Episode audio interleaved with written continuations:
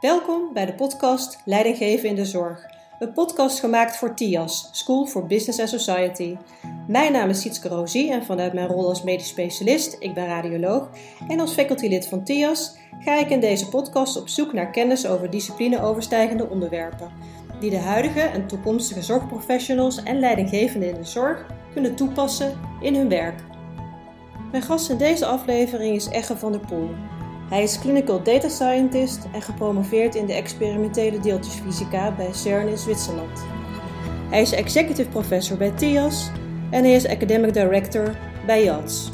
Egge is een veelgevraagd spreker voor congressen en seminars voor zorgprofessionals. En ik vroeg hem wat hij dan aan zo'n zaal vertelt. Enerzijds een beetje een reality check wat betreft technologie. Er wordt veel gesproken over tools en technieken. Hè. Buzzwords vliegen je om de horen, zoals artificiële intelligentie. En ik probeer altijd een beetje een kijkje onder de motorkap te geven en uh, ervoor te zorgen dat mensen het kunnen vertalen naar een eigen situatie. Door gewoon een aantal voorbeelden te geven en uh, te laten zien hoe het kan uitpakken en wat de mogelijkheden, maar vooral ook onmogelijkheden zijn, zullen we maar zeggen. Even een reality check dus. En daarnaast probeer ik mensen ervan te overtuigen dat juist op het gebied van data-analyse, mijn blik op de wereld, zullen we maar zeggen, dat daar het heel moeilijk is om dingen in je eentje voor elkaar te krijgen. En um, ik kom zelf uit de wereld van de elementaire deeltjesfysica. Ik heb bij CERN naar, naar het Higgs-deeltje gezocht. En dat is een wereldwijde collaboratie. En er werken mensen 24 uur per dag, uh, 7 dagen in de week aan elkaars analyses om daarop voor te bouwen. En uh, die manier van werken, hè, het samenwerken, het datadelen uh, voor een gezamenlijk doel. Dat ja, probeer ik dan altijd met een knipoog big dating te noemen. Um, maar dat, dat denken in data in termen van een lust in plaats van een last, dat probeer ik ook over te brengen. Want er is zoveel mogelijk in de zorg als we onze beslissingen beter laten ondersteunen door data, dat het eigenlijk zonde is dat we dat nog niet optimaal benutten. Ja, dat is inderdaad zonde, dat, uh, dat ben ik met je eens. Wat ik me nog afvroeg is, als ze die boodschap hebben gekregen van die reality check en uh, big dating zoals je dat noemt, om samenwerking te bevorderen, hoe staan zorgprofessionals dan tegenover de wereld van data science, AI, machine learning en deep learning? Er zijn natuurlijk altijd artsen die, uh, die echt helemaal ervan overtuigd zijn dat het iets gaat betekenen voor hun werk. Maar wat dan precies weten ze nog niet zo goed. Sommigen slaan een beetje door, vind ik dan, naar uh, het neemt uh, het grootste deel van mijn werk over. Nou, dat is denk ik niet helemaal realistisch op de korte en middellange termijn. Um, maar er zijn ook nog steeds hele sceptische artsen die zeggen van ja, wat kan data en data-analyse van de echte wereld nou aan kennis genereren. Want uiteindelijk moet je toch een randomized control trial doen om te kunnen weten of een correlatie ook een kausaal verband laat zien. En uh, ik denk dat beide zijn nodig om een goede discussie te voeren. Je hebt dus zowel de enthousiastelingen nodig om uh, echt de mogelijkheden te, van, te identificeren, maar je moet ook de kritische uh, vragen accepteren om, om scherper te krijgen waar het nou van van waarde kan zijn. En waar ik vooral probeer voor te waken is dat we um, het succes van een technische toepassing in, in een bepaalde context gaan gebruiken als argument om in, het, in een andere context te copy-pasten. En ook het falen van een technische toepassing in een context gaan gebruiken om, als argument om het in een andere context niet te gaan gebruiken. We moeten heel goed begrijpen dat tools en technieken die wij inzetten, die zijn ontwikkeld vanuit een bepaalde vraag. Uh, en, en die zijn eh, ontwikkeld op basis van bepaalde datasets. En dat betekent dat ze hun pros en cons hebben voor het toepassen daarvan op een echte situatie. En dat, als, zolang we ons daarvan bewust zijn, kunnen we denk ik heel goed met elkaar processen en methoden en technieken ontwikkelen en toepassen. Waardoor we data steeds beter gaan gebruiken in onze dagelijkse besluitvormingsprocessen. En stel een arts heeft zo'n echte situatie en vraag vanuit verwondering of irritatie. Hoe kan zo'n zorgprofessional dan geholpen worden? Want het, ja, veel artsen worstelen nog met het EPD, hoe dat nou precies werkt. Uh, kunnen ze echt geholpen worden in hun klinische besluitvorming door bijvoorbeeld een expert zoals jij, een clinical data scientist, bij dat proces te betrekken? Ik hoop het wel. Daar zit in ieder geval wel mijn energie. Kijk, ik herken veel van wat je zegt. Hè. Uh, persoonlijk hoop ik dat ik zelf en collega's met mij in staat zijn om voor zorgverleners en patiënten uh, informatie beschikbaar te stellen waardoor zij betere besluiten kunnen nemen. Nou, dat is, dat is zeg maar het overkoepelende principe. Maar ik herken ook veel van wat je zegt, dat een soort van moeheid. Van er komt weer een uh, technologie of een IT-verhaal en ga ze maar door. En tegelijkertijd denk ik dat al die artsen ook wel in hun privéleven en privésituatie eh, dagelijks ervaren hoe naadloos technologie kan aansluiten op je leven en hoe makkelijk de gebruikservaring kan zijn. En dat botst natuurlijk enorm met hoe wij IT dan in een ziekenhuis bijvoorbeeld ervaren.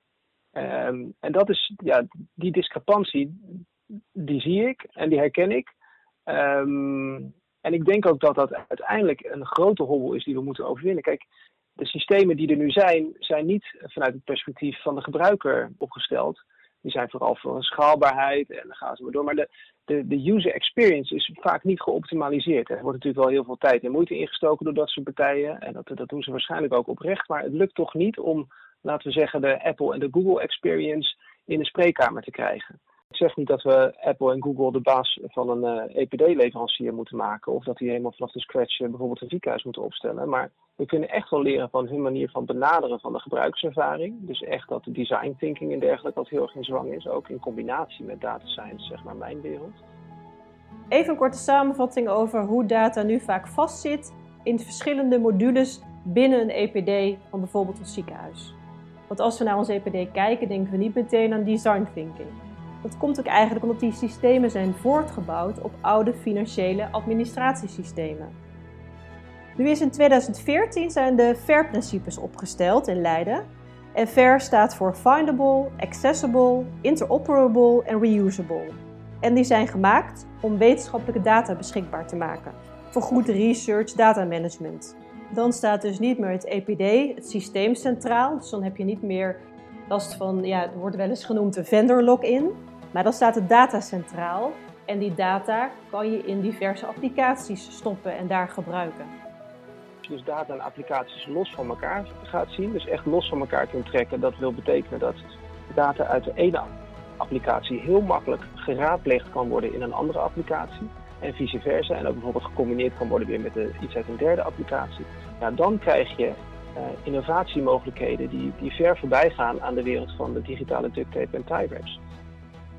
De afgelopen periode tijdens de coronacrisis heeft Echo ook niet stilgezeten. Samen met onder andere zijn broer Matthijs, die huisarts is in Rotterdam, zette hij de stichting Corona in kaart op. En ze willen een platform realiseren om de lokale verspreiding van corona te monitoren. Deze stichting is multidisciplinair en bottom-up en gericht op praktische bruikbaarheid.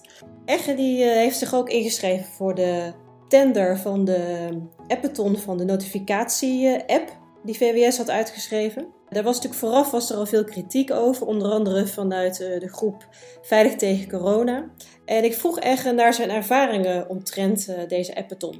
Ja, het is uh, aan de ene kant heel intrigerend, leerzaam en allerlei positieve bewoordingen. Aan de andere kant ook wel echt wel frustrerend te noemen. Um, kijk, ik, ben ook, ik zag ook heel snel de positieve energie vrijkomen. Tegelijkertijd ehm, moet ik ook zeggen dat, je, dat ik in ieder geval heel snel ook bestaande machtsstructuren terugzag. En dat zeg ik misschien een beetje hard en negatief, maar wat ik bedoel is, uh, het is natuurlijk logisch in een crisissituatie dat je eerst gaat kijken en dat je gaat vastgrijpen aan de dingen die je goed kent en de mensen ook die je goed kent.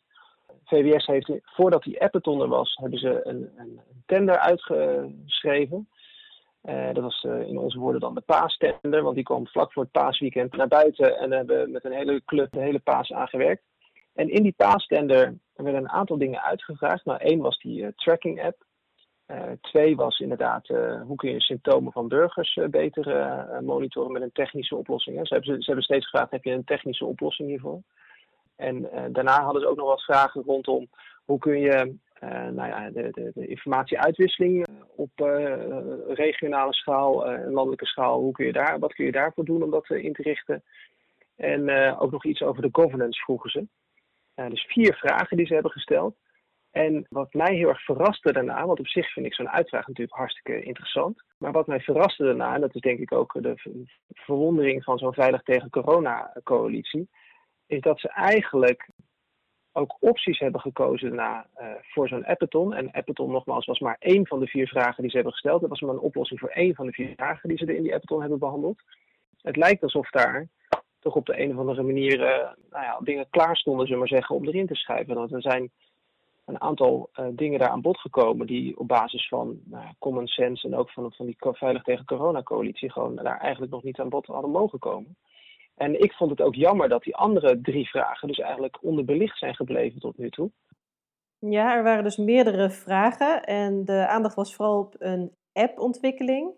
Maar wat ik me afvraag dan, is zo'n notificatie-app of een app waarmee je symptomen van uh, mensen registreert, is dat überhaupt de oplossing voor het probleem dat we hebben of hadden? Zo'n app, of het nou die tracking-app is of een app waarmee je burgers symptomen kunt laten registreren, die apps zijn maar een middel tot een doel. En het doel achter die apps is natuurlijk dat we grip krijgen op corona, op de verspreiding van corona, op de verspreiding van zo'n virus. Dat kun je doen dus volgens de visie van VWS door mensen met een app te laten rondlopen op een smartphone. Of door burgers zelf symptomen te laten registreren. Maar je zult daar dan dus ook een visie, en ik denk dat je daar misschien wel mee moet beginnen. Dat is niet in ieder geval de visie van onze stichting Corona in kaart. Dat je moet beginnen met wat is nou de governance daaromheen en welke vertrouwensrelaties hebben we eigenlijk al in de zorg. En hoe kun je technologie daarop laten aansluiten? Want technologie is nooit een doel aan zich, is geen oplossing aan zich. En weet je wel, van, vanuit Silicon Valley krijgen we heel veel van dit soort solutionistisch denken over ons uitgestort. Hè? Welk probleem er ook is, wij maken een app en het is opgelost. Maar zo zit het, de wereld niet in elkaar. En ehm, eh, dat betekent dat je eigenlijk terug moet naar de basis van uh, welk probleem wil je nou eigenlijk oplossen. En dat heb ik een beetje gemist in dit alles. Dus er zijn heel veel puntoplossingen uh, de lucht ingeschoten en heel veel structuren versterkt die er eigenlijk al waren. Maar de radicale innovatie is niet gekomen. Dus nou, nogmaals, dat data en applicaties los van elkaar zien, dat zie ik eigenlijk nog steeds niet terug. Vanaf de basis nadenken over hoe zet je de governance op uh, en sluit je aan bij bestaande vertrouwensrelaties in de zorg. Ja, je zegt vertrouwensrelaties, maar welke vertrouwensrelatie had jij bijvoorbeeld graag teruggezien in de technologische oplossingen bij de bestrijding van dit virus? Ja, nou ja, goed, ik heb natuurlijk ook niet uh, de wijsheid in pacht. Maar wat ik, wat ik is dat bepaalde apps uh, uh, flink veel aandacht hebben gekregen en ook wel behoorlijke steun hebben gekregen bij het uitrollen. Waarbij burgers symptomen monitoren en vervolgens over de hoofden heen van de huisarts dat bij een ziekenhuis onder, onder een regierol en een regiecentrum terechtkomt.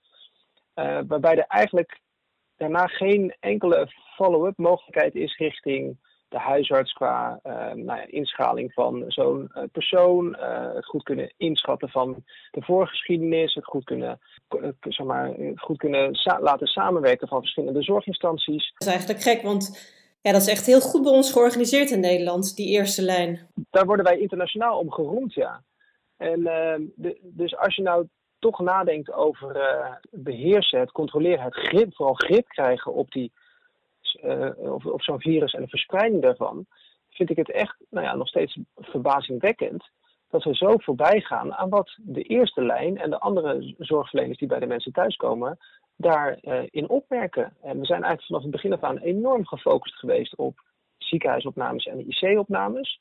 Nou, eigenlijk uh, qua testcapaciteit hadden we natuurlijk het een en ander aan ondercapaciteit, waardoor we heel selectief testen. En um, je ziet nu nog steeds dat we maar van alleen maar één type test de positieve gevallen meenemen als besmette gevallen. Terwijl uh, huisartsen die bij die mensen thuis zijn geweest en die mensen hebben doorgestuurd naar de GGD voor testen, die weten bijvoorbeeld dat er nog vijf mensen binnen zitten. En die weten ook van verdachte gevallen die, die niet ernstig genoeg waren om naar het ziekenhuis te gaan. Nou, dan weten ze echt wel dat was corona hoor. En zo hebben wij bijvoorbeeld met onze stichting Corona in Kaart eigenlijk ja, relatief kleinschalig uh, registraties opgezet Waarbij je ziet dat in de loop van een paar weken ongeveer 150 gevallen hebben geregistreerd die uiteindelijk bevestigd zijn voor corona. Maar daarnaast nog eens 150 gevallen van mensen die verdacht zijn van corona. Daarnaast nog eens 400 huisgenoten uh, van die verdachte en bevestigde gevallen. Dus uh, in plaats van dat je er 150 gaat meetellen in je uh, statistieken, zou het er misschien eigenlijk 700 moeten zijn in je statistieken. Ik geloof niet dat data het antwoord is, maar ik geloof dat we alle databronnen die we maar kunnen verzamelen met elkaar moeten combineren. Want juist in het over elkaar heen leggen van verschillende op zichzelf incomplete databronnen, uh, daarin kunnen we de sleutel vinden tot het vergaren van kennis op een tempo waarmee we dit virus een beetje kunnen bijbenen. En zegt hij dus dat we alle databronnen moeten verzamelen en over elkaar heen moeten leggen. En hij is ook voorstander van lokaal registreren door onder andere huisartsen die vertrouwensrelaties hebben met hun burgers. Maar wat we zien Uh, in de media is enerzijds huisartsen die van de GGD niet de tijdsuitslagen mogen weten. Anderzijds nu ook het datalek bij de RIVM-website Infectieradar die er sinds 17 maart bestaat, waar deelnemers hun gezondheidsklachten invulden. Dan is er nog veel te doen over de verandering van de telekomwet, zodat uh, de politiek locatiegegevens van burgers kan achterhalen. Daar, ja, ja, dat geeft toch niet echt veel vertrouwen in hoe we in Nederland met digitale zaken omgaan. Uh, eind mei is er een voorstel gekomen vanuit de politiek om een vaste nieuwe Kamercommissie op te richten, de Kamercommissie Digitale Zaken, om toch zo meer vat te krijgen op ook die kennis van data science. Want het is gewoon een ingewikkeld vak en een vak apart. En wat bij politici speelt, die gebrek aan kennis, dat speelt natuurlijk ook bij zorgprofessionals. Uh, hebben zij wel genoeg kennis en hebben zij niet meer kennis en dus ook meer vertrouwen op dit gebied nodig? Mijn vraag is ook dan een echo van heeft, ja, heeft de coronapandemie zorgprofessionals en zorgbestuurders toen beseffen dat zij meer kennis moeten vergaren over data science? Wat dat betreft zaten wij uh, eerlijk gezegd al een tijdje in een soort van niche. Uh, en een beetje het evangelie verkondigen van jongens, let erop, dit is belangrijk en dit komt eraan en hier moet je rekening mee houden. En daar hadden we onderwijsprogramma's op ontwikkeld. En eigenlijk voor de meeste uh, zorgverleners en medisch professionals die tot nu toe dachten, nou het zal mijn tijd wel duren, er was nu gewoon geen ontsnappen meer aan. En misschien is dat de komende tijd, blijft dat wel zo. Ik weet niet hoe lang dit stand houdt, maar ik hoop dat heel veel mensen in ieder geval in aanraking zijn gekomen met die thema's. En ik hoop ook dat ze daarvoor hun eigen situatie op zijn gaan reflecteren. En misschien is dan ook wel de conclusie, hier wil ik iets meer van weten. Nou, daar hebben wij natuurlijk al uh, een, een, tijdje geleden programma's voor ontwikkeld. Uh, inderdaad op verschillende plekken, maar allemaal met hetzelfde doel, namelijk uh, met elkaar beter begrijpen wat nou onder de motorkap van die tools en technieken gebeurt. Maar vooral ook met elkaar in discussie gaan over wat betekent het nou voor mijn werk, maar vooral ook voor de verschillende rollen die ik in mijn werk heb, voor de verschillende taken die ik in mijn werk heb. Want sommige van die taken zullen inderdaad overgenomen genomen gaan worden door technologie. Of het nou uh, kort duurt of lang duurt. Sommige taken zijn zo routinematig, dat is niet jouw leukste taak als arts. Uh, maar die zijn zo routinematig, die moeten we gewoon outsourcen naar technologie. Dat zal dus gaan gebeuren. Dat betekent niet dat er geen vakmanschap meer overblijft, maar er zal heel veel craftsmanship nog echt wel overblijven. Uh, om jouw uh, Sherlock Holmes kwaliteiten eigenlijk tot bloei te laten komen. En wat ik met name vanuit mijn data science bril uh, observeer, is dat voor corona denk ik nog steeds een enorme AI-hype was. Hè, dus artificiële intelligentie en we willen voorspellende modellen en we willen allemaal machine learning en heel veel focus op maar een smal deel van wat data science eigenlijk behelst. En de mensen die met data science uh, al een tijdje werken, die weten dat eigenlijk de stap voordat je modellen kunt gaan bouwen, wat wij dan vaak data engineering noemen, het toegang krijgen tot data, het opschonen van de data, het combineren van data, alles wat er maar nodig is om data, data klaar te maken om er een analyse op te kunnen doen, dat kost je zoveel meer tijd, kost je echt orde van grootte meer tijd dan het bouwen van het modelletje die data engineering component, het, het bij elkaar brengen van data, het opschonen van data en het combineren van data, ja, dat, dat gaat denk ik hierna veel meer aandacht krijgen van uh, de leek. En uh, dat is denk ik een positieve ontwikkeling voor de lange termijn. Voor de korte termijn is het even met de neus op de feiten en uh, ja, het is niet beter dan dit. Maar hopelijk kunnen we dat gebruiken, die, die leerervaring, om een stip op de horizon te zetten waar we met z'n allen naartoe willen. En als we dat gezamenlijke doel eenmaal weer scherp stellen, dan, uh, dan heb ik er alle vertrouwen in dat we in Nederland uh, voldoende innovatieve capaciteiten hebben om dit multidisciplinair verder te brengen. Mooi, dat is goed om te horen dat we voldoende capaciteit in Nederland in huis hebben om met data science verder te kunnen. Heb jij nog een persoonlijke call to action tot degene die zich tijdens deze crisis verder wilde verdiepen of hebben verwonderd over jouw vakgebied? en daar meer over willen weten. En wat heb jij als clinical data scientist nodig om zelf hiermee verder te kunnen? Data science en COVID, mijn leerervaring daarbij uh, is, is, is groot. Ik hoop dat andere mensen er ook veel van hebben geleerd.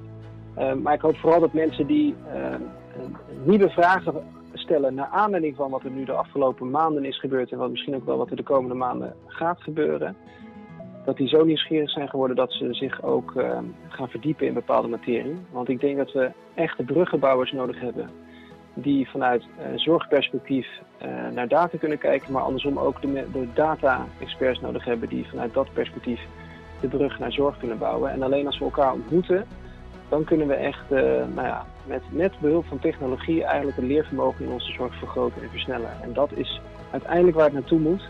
Uh, niet de AI van artificiële intelligentie, maar de AI van accelerated innovation.